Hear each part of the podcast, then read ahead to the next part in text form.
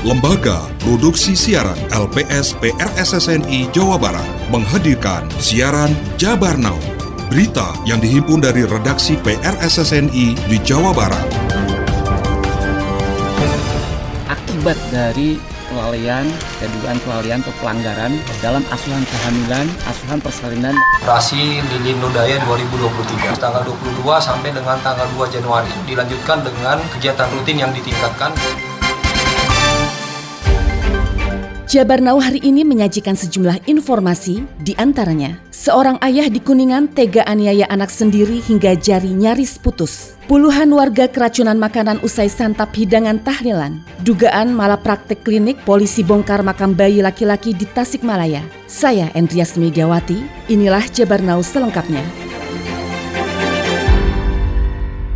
Pura-pura beli banyak perhiasan, emak-emak curi 24 gram emas di Pamanukan Subang. Dalam rekaman CCTV terlihat pelaku melakukan aksi pencurian perhiasan emas seberat 25 gram di sebuah toko emas di Kecamatan Pamanukan, Kabupaten Subang. Sebelum melakukan pencurian, pelaku memilih banyak perhiasan bahkan pelaku berpindah-pindah tempat untuk membingungkan pegawai toko emas tersebut. Saat pegawai lengah, pelaku menyelipkan sebuah kalung beserta liontin ke dompet miliknya lalu ditutup menggunakan tangan kanan. Setelah berhasil melakukan pencurian, pelaku yang berpura-pura akan membeli emas ini lalu pergi dari toko tersebut. Akibat pencurian itu, toko emas mengalami kerugian hingga 13 juta rupiah. Pegawai toko emas meminta pelaku agar mengembalikan perhiasan yang dicurinya, pasalnya kerugian harus ditanggung oleh pegawai.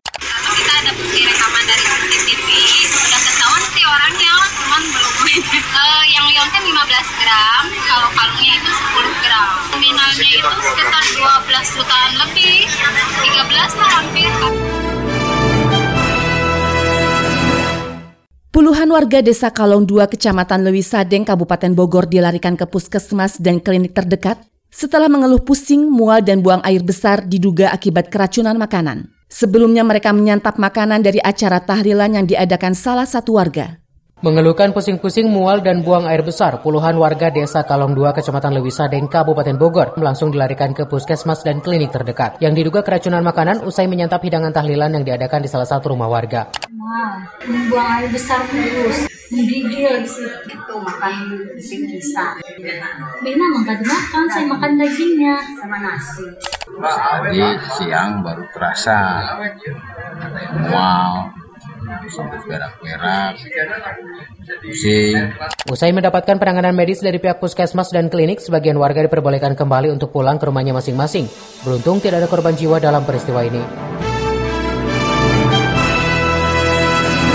Seorang ayah di desa Sakerta Timur, Kecamatan Dharma, Kabupaten Kuningan, tega menggergaji jari tangan putri kandungnya sendiri hingga nyaris putus. Korban bernama AZ yang masih duduk di bangku kelas 5 SD itu harus menahan rasa sakit setelah jari telunjuk kirinya digergaji ayahnya yang bernama Triwanto. Selain digergaji, AZ mengaku sering mendapatkan tindakan kekerasan dari sang ayah. AZ mendapatkan kekerasan dari sang ayah diduga karena mengambil uang milik tetangganya untuk membeli buku. Menurut ibu kandung korban Fitri Mulyani, Triwanto sering melakukan tindakan kekerasan dalam rumah tangga. Fitri juga mengaku pernah menerima tindakan kekerasan dari suaminya tersebut. Gue sering juga dipukulin. iya sering juga ini baru sehat ditonjokin ditendang Saat ini pelaku TM sudah berhasil diamankan oleh Unit Perlindungan Perempuan dan Anak Satreskrim Polres Kuningan. Kasatreskrim Polres Kuningan AKP Iputu Ika Prabawa membenarkan peristiwa tersebut. Menurutnya, berdasarkan pengakuan pelaku, ia emosi terhadap anak kandungnya sendiri. Dilakukan pemukulan, penganiayaan yang lebih keras terhadap anak ini oleh orang tuanya sendiri. Putu mengatakan luka di tangan korban hanya mengalami luka robek akibat terkena gergaji. Saat ini petugas kepolisian masih mengamankan pelaku dan masih melakukan pemeriksaan untuk penyelidikan lebih lanjut.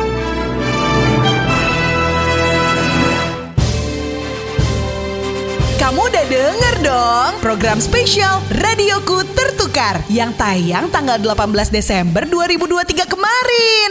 Program spesial Radioku Tertukar diproduksi dalam rangka Hari Ulang Tahun Persatuan Radio Siaran Swasta Nasional Indonesia yang ke-49. Tayang di seluruh radio anggota di Indonesia. Mau dapetin hadiah berupa iPhone 15 dan saldo GoPay puluhan juta rupiah? Jawab pertanyaan ini ya. Tanggal 18 Desember kemarin, radio kesayanganmu ini tertukar tertukar dengan radio apa ayo? Kunjungi akun Instagram at prssni underscore radio underscore Indonesia atau akun Instagram radio favorit di kotamu untuk info detailnya. Terima kasih. Anda masih setia menyimak rangkaian berita dalam Jabar Now yang disiarkan serentak radio anggota PRSSNI se-Jawa Barat. Saudara, Polisi membongkar makam bayi laki-laki di pemakaman Kampung Lewi Malang, Kecamatan Bungursari, Kota Tasikmalaya, menyusul adanya kasus dugaan malapraktik di sebuah klinik di Tasikmalaya yang berakibat bayi meninggal dunia. Kasat Reskrim Polres Tasikmalaya Kota AKP Fet Rizal mengatakan ekshumasi merupakan bagian dari proses penyelidikan. Pihaknya akan menunggu laporan dari tim forensik untuk menjadi bahan gelar perkara. Menurutnya, masih dalam proses penyelidikan apakah yang dilaporkan ke polisi ada tindak pidana atau tidak. Hasil dari ekshumasi itu nantinya bisa memberikan penjelasan. Proses ekshumasi terhadap bayi dugaan malpraktek untuk mencari apakah ada unsur tidak pidana atau tidak. Kuasa hukum pasien Taufik Rahman mengatakan ekshumasi dilakukan sesuai permintaannya agar memudahkan proses penyelidikan polisi. Dugaan kuat kematian bayi berkaitan dengan prosedur penanganannya yang dilakukan pihak klinik, mulai dari asuhan kehamilan, asuhan persalinan hingga perawatan neonates. Taufik menyatakan kendati kecewa dengan sikap lambat dinas kesehatan dan majelis ad hoc, pihaknya berharap ekshumasi dapat memberikan petunjuk untuk kepolisian. Akibat dari kelalaian dalam asuhan kehamilan, asuhan persalinan dan asuhan perawatan neonatis ya. Kami bersyukur berterima kasih kepada tim dokter forensik ya Polres yang memfasilitasi ini. Kami apresiasi sekali. Dr. Fahmi Arif Hakim yang memimpin tim forensik mengatakan pemeriksaan telah dilakukan terhadap jenazah bayi. Kendati fisiknya sudah berubah setelah satu bulan dimakamkan, tapi semua data-datanya sudah diambil dan akan disampaikan ke penyidik. Kita kita lakukan ya, jadi meliputi gali kubur, kemudian pemeriksaan luar dan dalam. Seperti yang sudah diketahui kan ini sudah agak lama ya. Jadi hasil sudah kita dapatkan, cuman memang keadaannya ya yang sudah kubur sebulan ya tidak seperti pada awal.